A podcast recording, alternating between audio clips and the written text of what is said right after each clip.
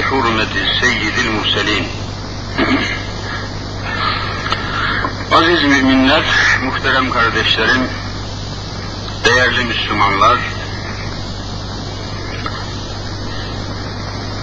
burada pazar akşamları böylece dini sohbetler tertiplemek suretiyle ehemmiyetli bir gayretin içine girmiş bulunan değerli ve gayretli kardeşlerimin başlarında Hafız Yusuf Efendi olmak üzere bu çalışmalarını sizlerin de böyle coşkunlukla katılmaları ve davete iştirakleri suretiyle devamını ve buradan da ilahi feyizlerin tecellisini Hazreti Allah'tan niyaz ediyoruz. Cenab-ı Hak tertipleyen kardeşlerimden ve bu davete katılıp gelen sizlerden Rabbi Rahim-i Zülcelal razı olsun inşallah. Gaye hiç şüphesiz ki gayemiz ve gayretimiz iki şey var. Birisi gaye, birisi gayret. Her ikisinin de maksadı Allah'ın rızasını tahsil etmektir. Bir Müslümanın gayesinin de gayretinin de sonucu bu olması lazım. Onun dışında baş, başka bir maksadı, başka bir gayesi olmaması iktiza eder. Allah'ın rızasını da tahsil ettikten sonra gayesine ulaşmış demektir Müslüman. Allah'ın razı olmasından daha muazzam ne olabilir? Bir kimseden Allahu Azimüşşan razı olsa mesele tamamlanmıştır. Ondan daha muazzam bir dava ve bir gaye bulmak mümkün değildir. Bu akşamki sohbetimizi yine Kur'an-ı Mübin'in Kitabullah'ın 42. suresini teşkil eden Şura suresindeki bir ayeti huzurunuza, şuurunuza, idrakinize takdim edeceğiz inşallah. Şura suresi Kur'an-ı Mübin'de yer alan biliyorsunuz 114 sure var. Bunlardan 42.si de Şura ismini alıyor. Şura. Ve bu mübarek surede 13 numaralı ayeti ilahiyeyi huzurunuza arz edeyim. Aklımızda kaldığı kadarını zihnimizde, fikrimizde kaldığı kadar olanını mümkün mertebe muhitimize yaymaya, anlatmaya çalışmak da cemaatimizin vazifesi olacak. Yani adeta zincirleme, duyan, duyduğu şeyi duymayan kimseye aktarmak suretiyle uzanabildiği yere kadar, ulaşabildiği yere kadar bu hakikatleri, Kur'ani hakikatleri taşımak veya taşırmak vazifemiz olacaktır. Duyduğunu zihninde hapseden, işittiğini kafasında hapseden insan muteber insan değildir. Hakkın yayılması, duyulması ve etrafa taşırması vazifelerini de ifa etmek icap eder. İnşallah Teala bu akşamki sohbetin hülasasını, özünü ve özetini zihnimizde tutmaya çalışır da daha birçok kardeşlerimize fırsat buldukça, imkan buldukça anlatırsak gayemizi ve gayretimizi biraz daha genişletmiş oluruz. Cenab-ı Hak bunda da bizi muvaffak eylesin inşallah.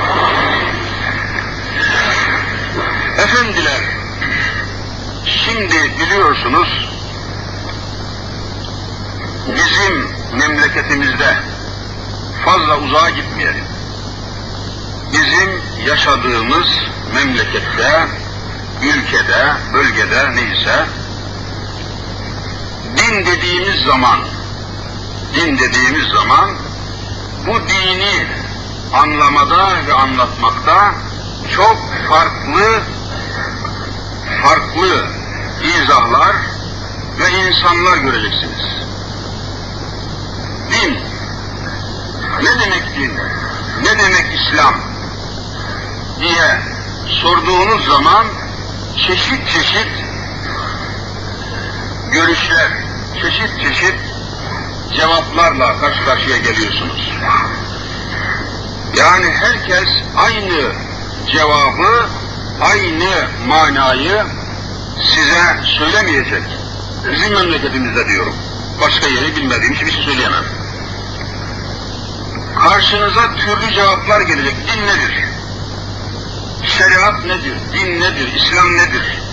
Dediğiniz zaman, sorduğunuz zaman çeşitli görüşlerle karşılaşacaksınız. Çeşitli izahlarla, çeşitli yorumlarla, çeşitli cevaplarla karşı karşıya geleceksiniz. Nitekim biz karşılaşıyoruz. E canım dinin böyle çeşitli manaları olur mu? Dinin çeşitli cevapları olur mu? Dinin ne olduğu bir tek cevapla belli olması lazım.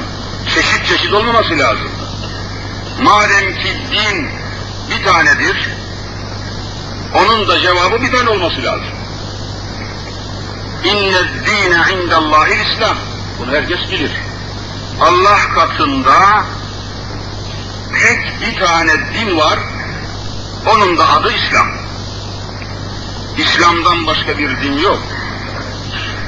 Din deyince İslam, İslam deyince din.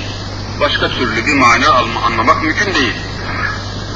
Dinin aslı, özü, hakikati bir tane. İslam dini. E nasıl oluyor da bunun çeşit çeşit izahı oluyor? Nasıl oluyor da İslam nedir, din nedir diye sorduğunuz zaman türlü cevaplarla karşı karşıya geliyorsunuz.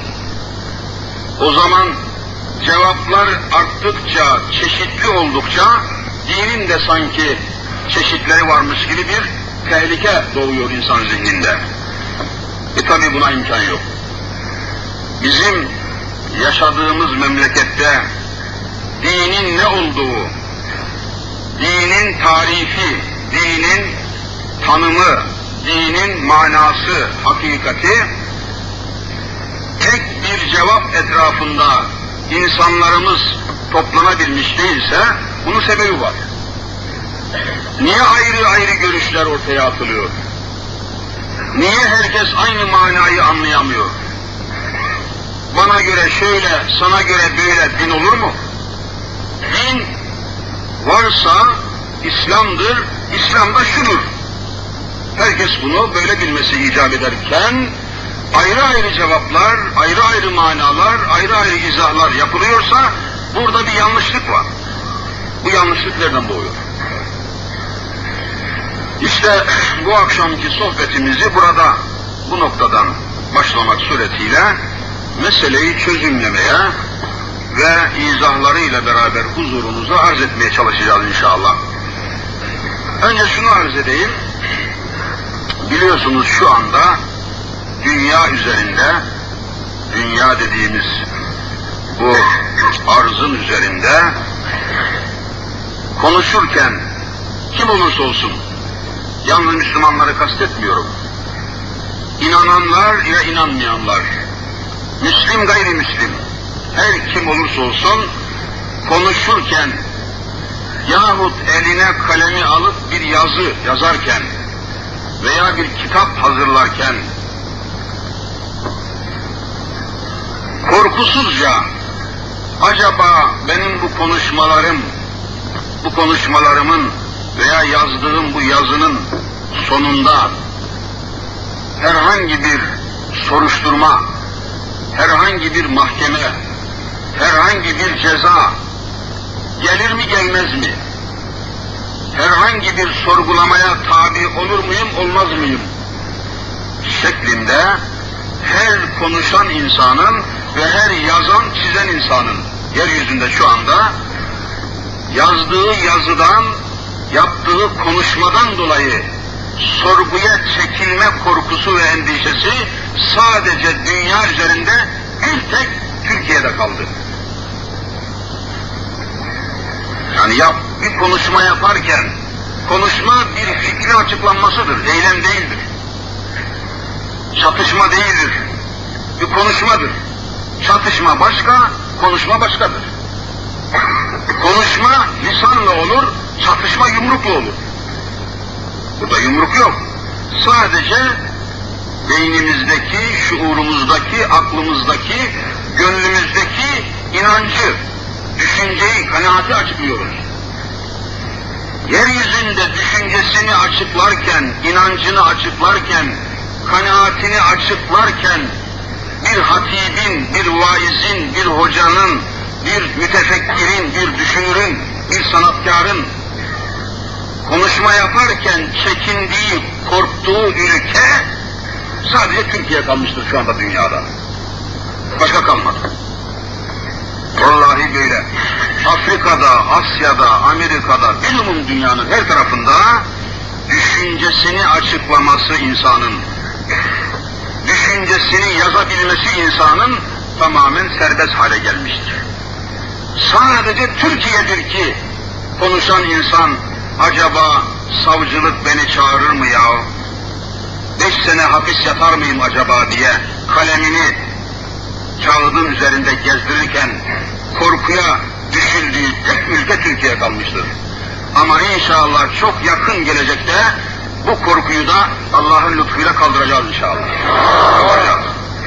İnsanların en tabii hakkıdır bu, düşündüğünü söyleyebilmesi. Çünkü hepiniz de biliyorsunuz ki insanları hayvanlardan ayıran yegane kabiliyet konuşabilmektir. İnsanları da insan yapan inandığı gibi konuşabilmesidir. İnandığı gibi konuşamıyorsa iki yüzlüdür. İnandığı gibi konuşamıyorsa müraidir, münafıktır. İnandığı gibi konuşamıyorsa şahsiyetini ortaya koyamıyor demektir. Sakat olur, sapık olur. Türkiye Cumhuriyeti'nde hiçbir insan inandığı gibi konuşamıyor. Onun için Türkiye'de sayısız sapıklar var, sapıklıklar var. Kişiliğini ortaya koyamıyor ki adam tam konuşamıyor ki.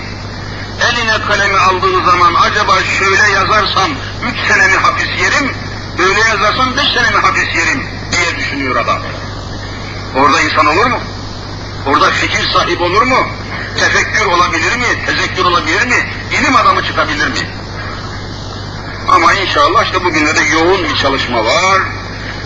163. madde hepinizin bildiği gibi etrafında bazı fırtınalar esiyor, bazı kasırgalar esiyor. Şöyle mi olsun, böyle mi olsun, kaldırılsın mı, kalksın mı, kalsın mı? Tartışmalar hızlı bir şekilde devam ediyor. Fakat görülen bir şey var. Müslüman cemaat dediğimiz camilerin içinde veya dışında toplaşan, bekleşen Müslüman cemaatin arasında hiçbir faaliyet yok. Hiçbir kaynaşma, hiçbir çalışma yok. Yani bir heyecan yok, bir hareket yok, bir gayret yok, bir teşvik yok, bir beklenti yok. Böyle bir mücadele yok. Hani imza, telgraf gibi imzalarla, telgraflarla, bir takım insanlarla, Ankara'yla, parlamentoyla, şurayla burayla teşriki mesai yok. Türkiye Müslümanları suskun bir vaziyette, suskun. Susmuş, böyle sinmiş, sönmüş, suskun, miskin, miskin vaziyette. Yeryüzünün en sapık ülkeleri, en çarpık ülkeleri, en komünist ülkeleri dehşetle hareket içinde, kıyam içinde, hareket halinde, Müslüman memleket ise tamamen suskun bir vaziyet. Bu da şaşkınlıkla karşılanan bir hadisedir.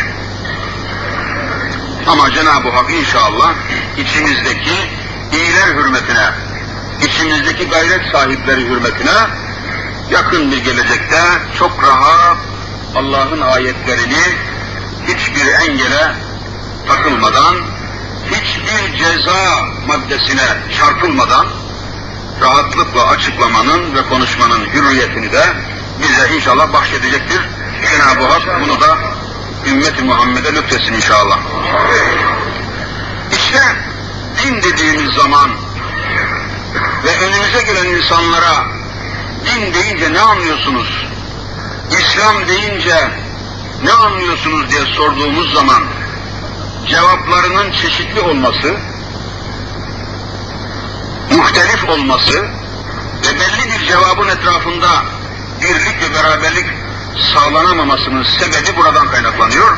Çünkü Türkiye'de, Türkiye Cumhuriyeti'nde hepinizin de bilindiği gibi 163. madde dini konuşmaları ve çalışmaları sınırlamıştır. Bir sınır çizmiş. Nasıl ki Doğu Almanya ile Batı Almanya arasına bir duvar çekilmişse, Türkiye'de de din ile dünya arasına, din ile devlet arasına bir duvar çekilmiş. 163. duvar. Bunu bir duvar olarak ifade etmek lazımsa bir duvar çekilmiş. O duvarın örüldüğü yere kadar geliyorsunuz, oradan öteye geçerseniz 15 sene hapis yatıyorsunuz. Bir engel var. Sınır var. E o zaman da Kur'an'daki bütün ayetleri açıklamak mümkün değil. Çünkü Kur'an'da devletle al alakalı ayetler var. Biraz sonra açıklayacağım bunların bir kısmını. Kur'an'da devletle alakalı ayetler var. Tabi Kur'an'da dünya ile alakalı ayetler var. Yani Kur'an-ı Kerim sadece bir namaz kitabı değil ki, namaz kitabı değil Kur'an. Sadece oruçla alakalı ayetler yok ki, sadece namaz, sadece oruç, sadece hac, sadece zekattan ibaret değil ki ayetler. Bütün bu ayetleri toplasanız 200'ü geçmiyor. Halbuki Kur'an-ı Kerim kaç ayet hepiniz biliyorsunuz? 6666 ayet. Dört tane altıyı yan yana yazın okuyun. 6666 ayet. E, Türkiye'de 163. ceza maddesinden dolayı bu maddenin dehşetli bir engel teşkil etmesinden dolayı Türkiye'de Türkiye Cumhuriyeti'nin dahilindeki camilerde ve camilerde de işte minberlerde, kürsülerde ve mihraplarda açıklanan ayetlerin topu topu tamamı 285 ayeti geçmiyor. Yani Cumhuriyet'in ilanından bugüne kadar Türkiye'deki camilerde mihrap, minber, kürsülerde açıklanan ayetleri toplayın 285 ayet.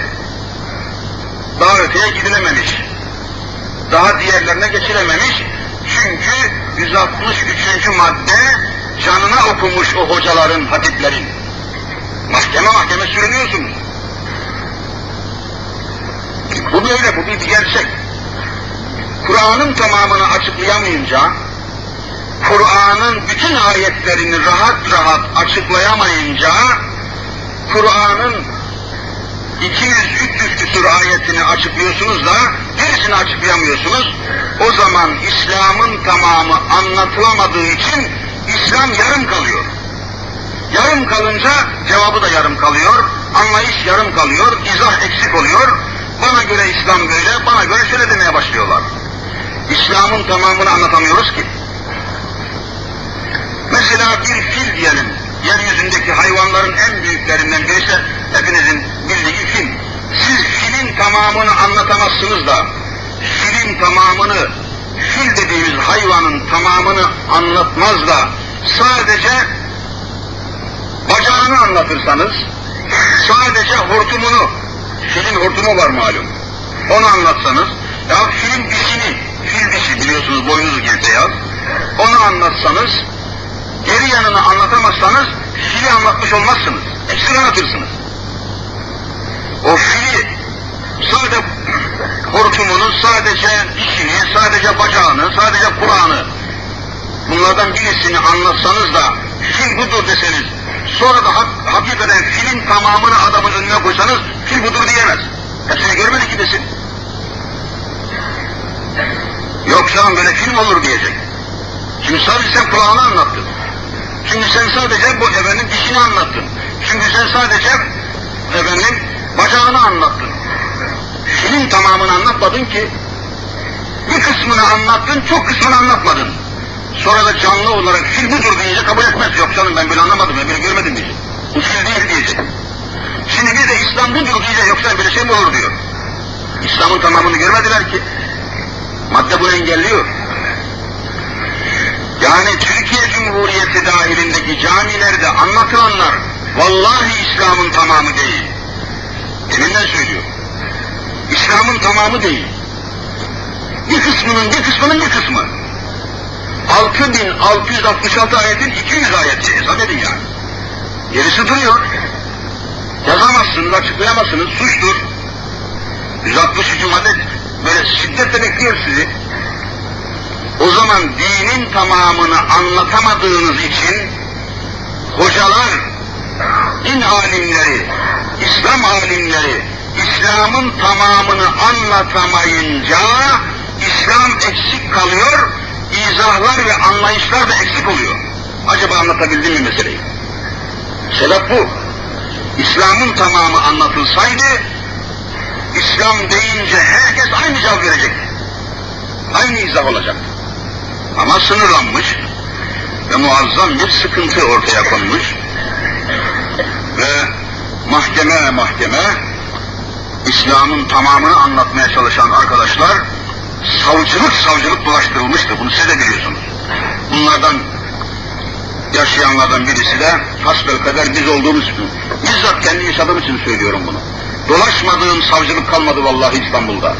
Sıkı yönetim mahkemeleri, devlet güvenlik mahkemeleri, ağır ceza mahkemeleri, su hukuk mahkemeleri, dolaşmadığım savcılık kalmadı. Basın savcılığı, devlet güvenlik savcılığı, sıkı yönetim savcılığı uğramadığım yer kalmadı. E ne soruyorlar? Bir tanesini arz edeyim. Hani aklınızda kalsın diye söylüyorum. Yani ne, ne soruyor bu adamlar? Mesela e, çok sık gelip geldiğimiz savcılardan birisi de devlet güvenlik savcısıydı. Çok sık çağırdılar, gittik geldik filan, gide gele gide gele e, biraz da yakınlık peydahlandı.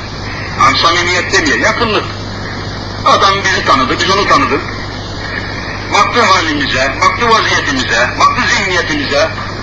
Hiçbir kötülüğümüz yok, kastımız yok, kimseye pişmanlığımız yok. Devlet aleyhinde değiliz. Yani Müslümanlar devlet aleyhinde olamazlar. Devletsiz olmaz ki bir insan topluluğu.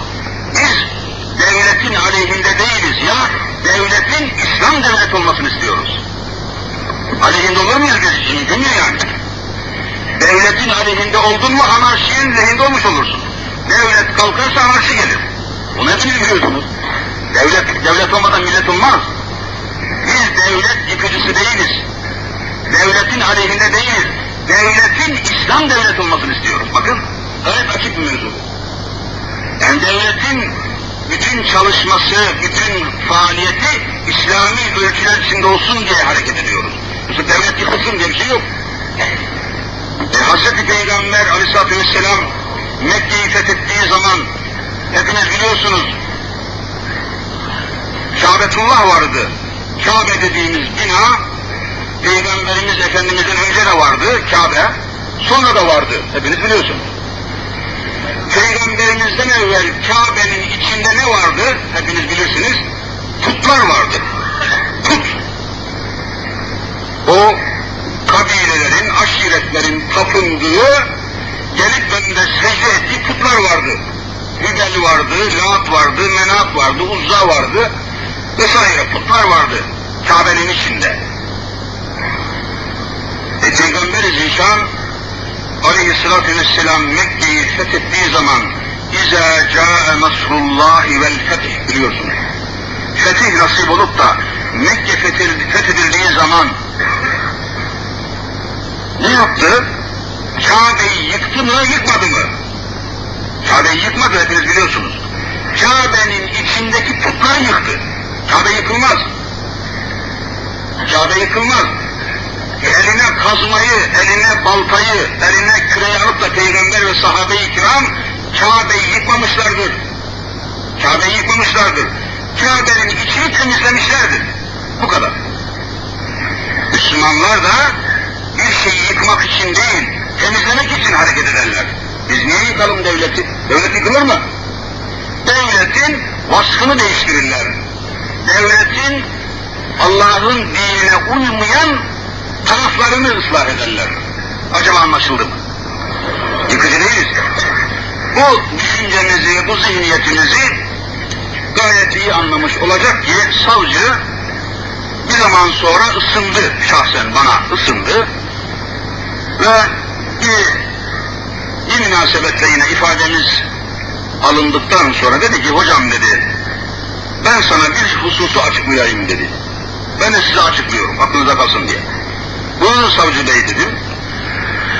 Dedi ki bir hususu dedi iyice anlamış değilsiniz dedi hocam dedi kusura bakma dedi. Bir husus var burayı anlayamadığınız içindir ki dedi bu savcılığımıza gelip gidiyorsun gelip gidiyorsun dedi. Eğer orayı anlasaydın buraya gelmeyecektin sen. Nedir dedim anlayamadığımız şey? Anlattı. Dedi ki bakın dedi bir vaaz kasetini dedi ben dinledim dedi. Kaset, vaiz kaseti. İçkiyi anlatmışsın dedi. İçki. Hepimizin bildiği bir lanet madde. İçkiyi anlatmışsın ve o içkiyle alakalı da çok sıhhatli dediğiniz, çok ehemmiyetli dediğiniz bir hadis-i şerifi okumuş ve açıklamışsın dedi. Dinledim ben dedi. Bir hadis. Ve tabi ibaresini okuyamıyor Arapça tabi, manasını nakletti. Hadis de şudur dedi, Allah içkiye lanet etmiştir. Ki Arapçası la'anallahul hamre. Arapça el hamr içki demek yani serhoşluk veren bilumum içkiler. El hamr diye geçer.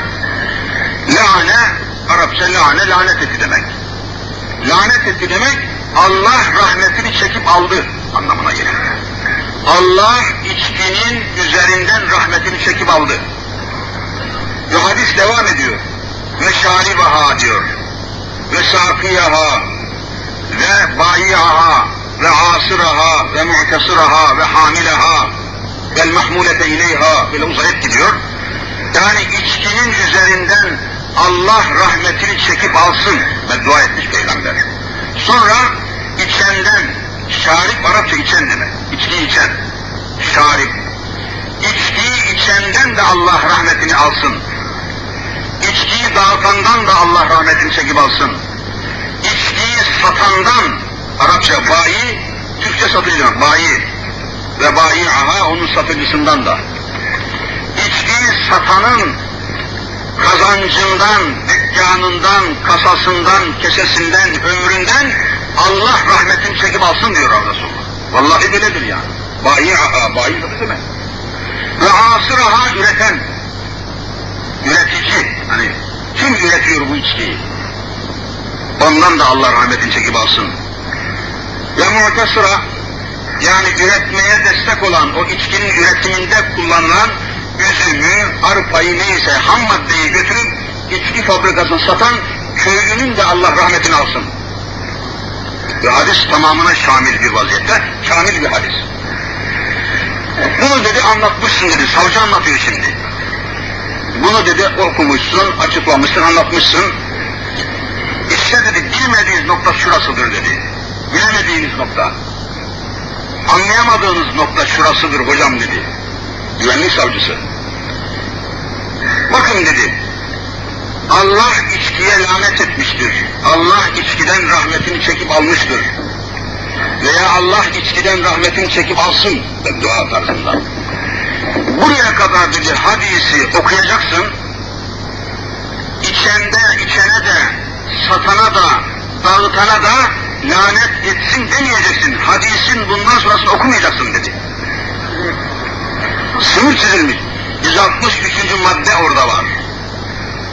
İçkinin kötü olduğunu anlatırsın, fakat içene, satana, dağıtana dedin mi, Tekel Bakanlığı'yla karşı karşıya gelirsin, dinle devlet çatışması başlar, ben de seni tutuklarım kusura bakma dedi. Sınır. tarafından hadisin bir kısmını okuyacaksın, arkasını okumayacaksın. Okuduğu an suç işlemiş olursun dedi bana. E, hadise bundan ibaret. E şimdi biz hadisi biz ikiye ayıramayız ki, hadisin baş tarafı hadis, son tarafı hadis değildir diyemeyiz ki. Böyle bir anlayış insanı kafir yapar. Mümkün değil. Hadis-i şerif, Peygamber aleyhissalatü vesselamın sözü ise hepsini okuyacaksın. Şuraya kadar okumak caiz, bundan sonrası değildir dedin mi din ortadan kalkar. Yani dinin üzerinde tasarruf etmeye kalkarsın. Böyle bir hakkımız yok. Peygamber dahi bunu yapamaz. Peygamber dahi kendisine vahyen bildirilen ayetin bir kısmını okuyup bir kısmını okuyamaz, hale getiremez. Hepsini okuyacak. Yoksa felaket olur. Yoksa o zaman Allah korusun, din o zaman yavaş yavaş özünü, manasını, hakikatini kaybeder, Hristiyanlığa döner. Hristiyanlar ve Yahudiler biliyorsunuz, hoşlarına giden ayetleri Tevrat'ta ve İncil'de bıraktılar, hoşlarına gitmeyen ayetler çıkarttılar. Ve onun için batıl oldular. Onun için değişmiş oldular. Muharref diyoruz. Muharref demek bo bozulmuş, değiştirilmiş. Bunu Kur'an-ı Kerim bize haber veriyor. وَالَّذ۪ينَ هَادُوا يُحَرِّفُونَ الْكَلِمَ عَنْ مَوَابِعِهِ diyor. Hepiniz biliyorsunuz. Yahudiler ve Hristiyanlar Allah'ın gönderdiği Tevrat kitabında ve İncil kitabında hoşlarına gitmeyen bazı ayetleri çıkartıp oraya kendi kafalarından ayetler koydular diyor.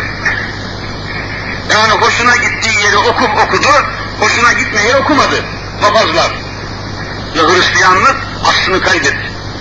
E, Müslüman hocalar böyle yapsa haşa yapamaz. Yaparsa o zaman İslam da Allah korusun bozulur. Ve zaten böyle bir yetki yok kimsede. Ama 163. madde bu hale getirme hocaları. Söyleyemezsiniz. Söylerseniz hapse, hapishaneyi boylarsınız. Veya sürülürsünüz. Ezilirsiniz. Hiçbir hakka sahip olamazsınız. Özlük haklarınız alınır elinizden. Mahkum olursunuz. O zaman işte dinin hakikati ve tamamı anlatılamayınca din nedir diye sorunca herkes ayrı cevap veriyor. Herkes kafasına göre. Niye? Çünkü dinin tamamı yok.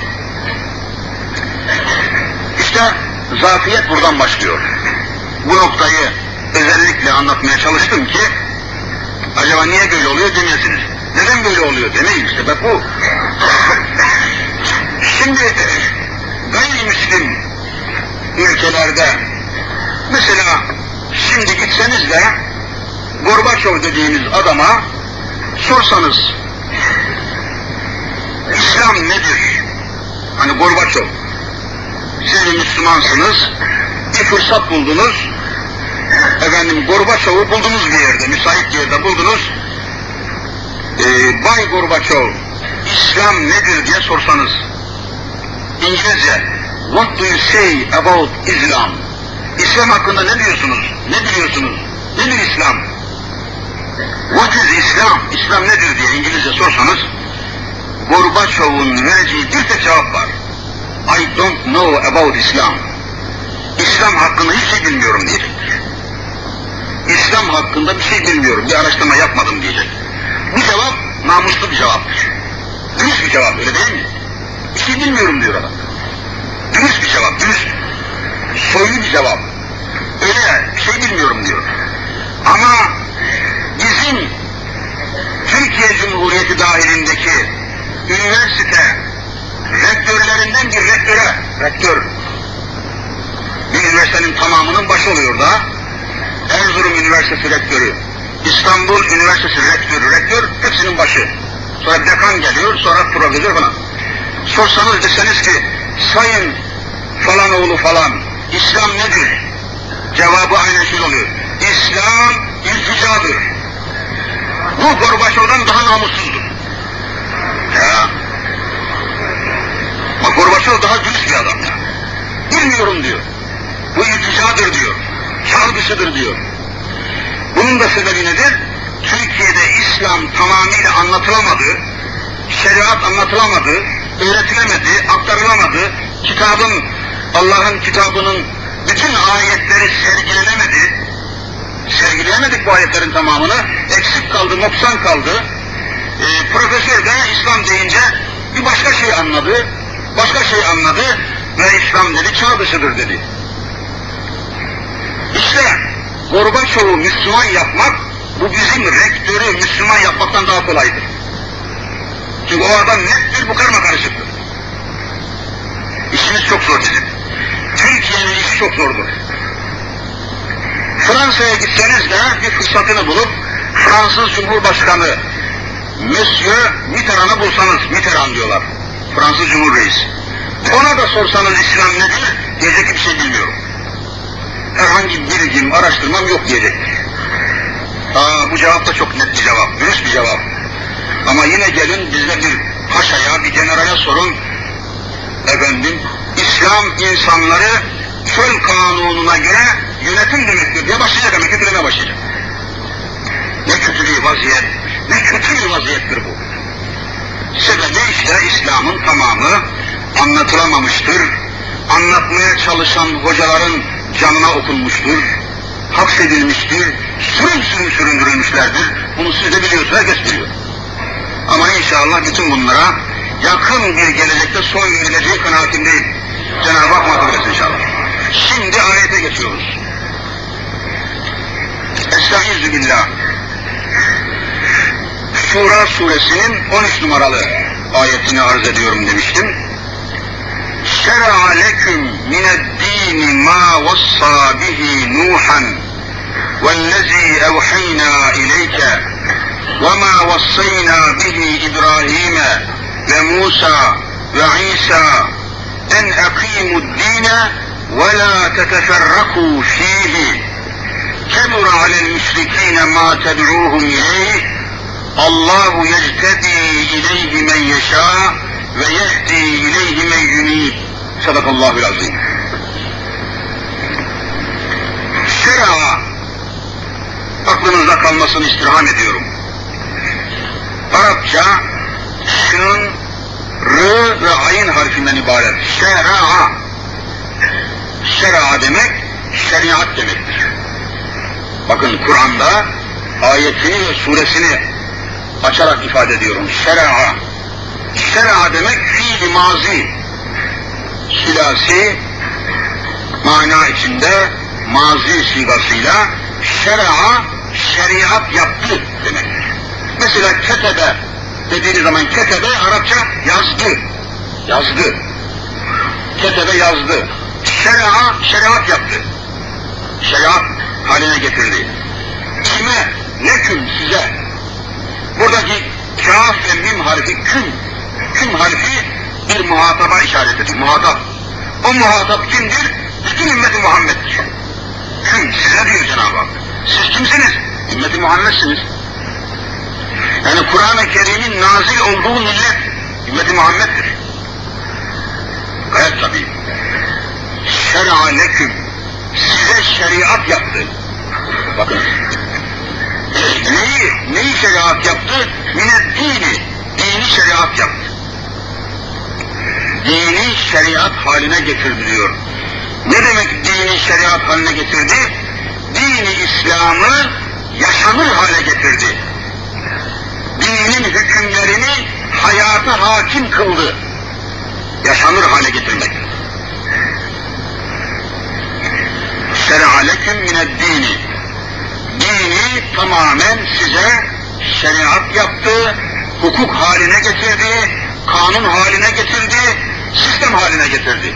Şın, rı, ayın, şer'a. Unutmayasınız bunu. Kur'an-ı Kerim'de bu mukaddes kelime yerini almıştır. Bu ayet-i kerimeden dolayıdır ki bir adam dese ki ben dini kabul ediyorum, İslam'ı kabul ediyorum ama şeriata karşıyım. Dini kabul ederim, şeriatı kabul etmem dese vallahi ebedi kafir olur. Bakın Cenab-ı Hak diyor, şer'a leküm dini. Dini ben size şeriat yaptım. Yapan o. Dinle şeriat bütünleşiyor. Ayetle sabit. Dini kabul ediyorum fakat şeriata karşıyım dediği an gitmiştir.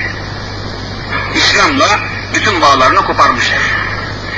Canım bir kelimeyle bir adam tamamen İslam'dan çıkar mı? Bir kelimeyle. Efendiler, bu fizik aleminde de böyledir, dini meselede de böyledir. Mesela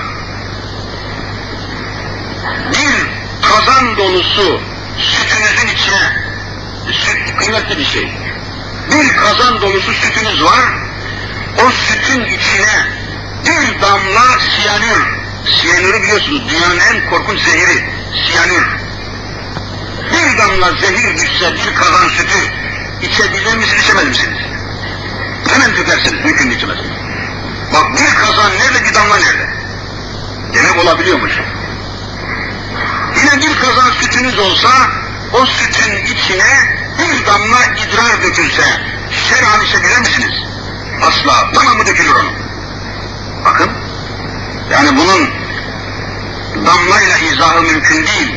Vasfı böyledir bu işin. Yani bunun ne derler? Kemmiyetle değil, keyfiyet alakası var.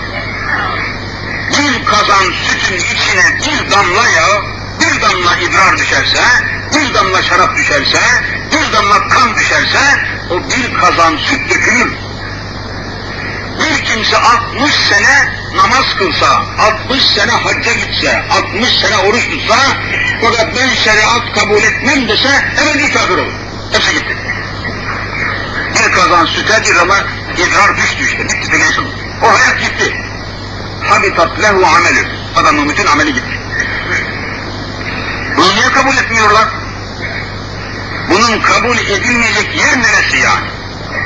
Bakın fizik aleminde de öyledir. Koca bir apartmanın bir yerinde bir çatlak olsa o evi hemen boşaltıyorlar. Siz de bunu biliyorsunuz. Ya bir çatlak var. Çıkmayın oturun diye. Çatlak geldi başladı. O daha çıkar orası. Böyledir. Din ayrı şey, şeriat ayrı şey. Dediğine gidersin. Çünkü niye?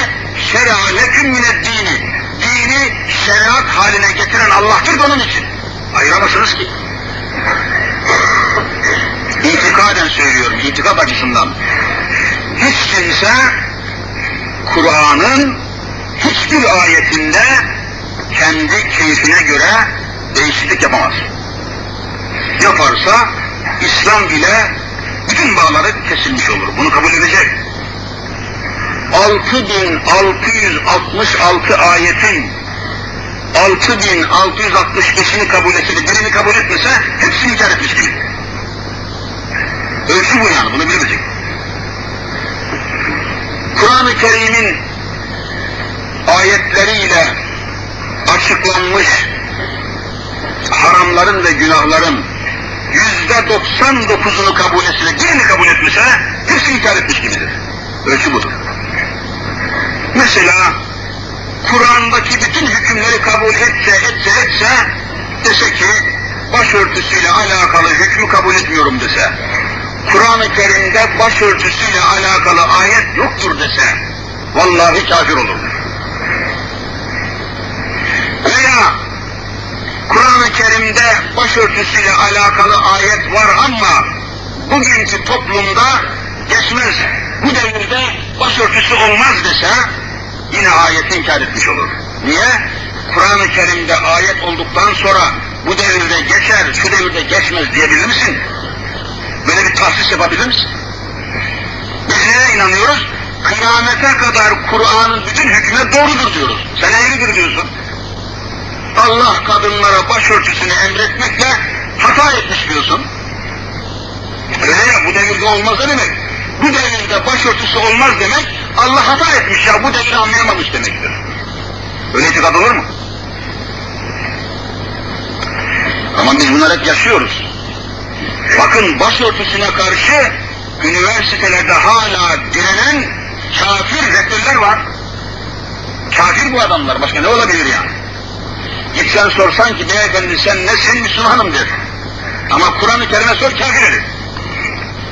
Bir Kur'an'ın ölçüsü var, bir herifin ölçüsü var. Bunları biz nasıl bileceğiz? Bunları biz nasıl izah edeceğiz de meseleler oldukça yoğun bizim.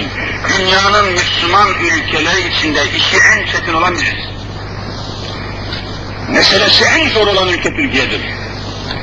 Meselesi en girift olan ülke Türkiye'dir. Türkiye'nin içinde bulunduğu şartlar, Türkiye'nin içindeki basın, böyle bir ülke bulamazsınız dünyada. Bu kadar memleket bulamazsınız.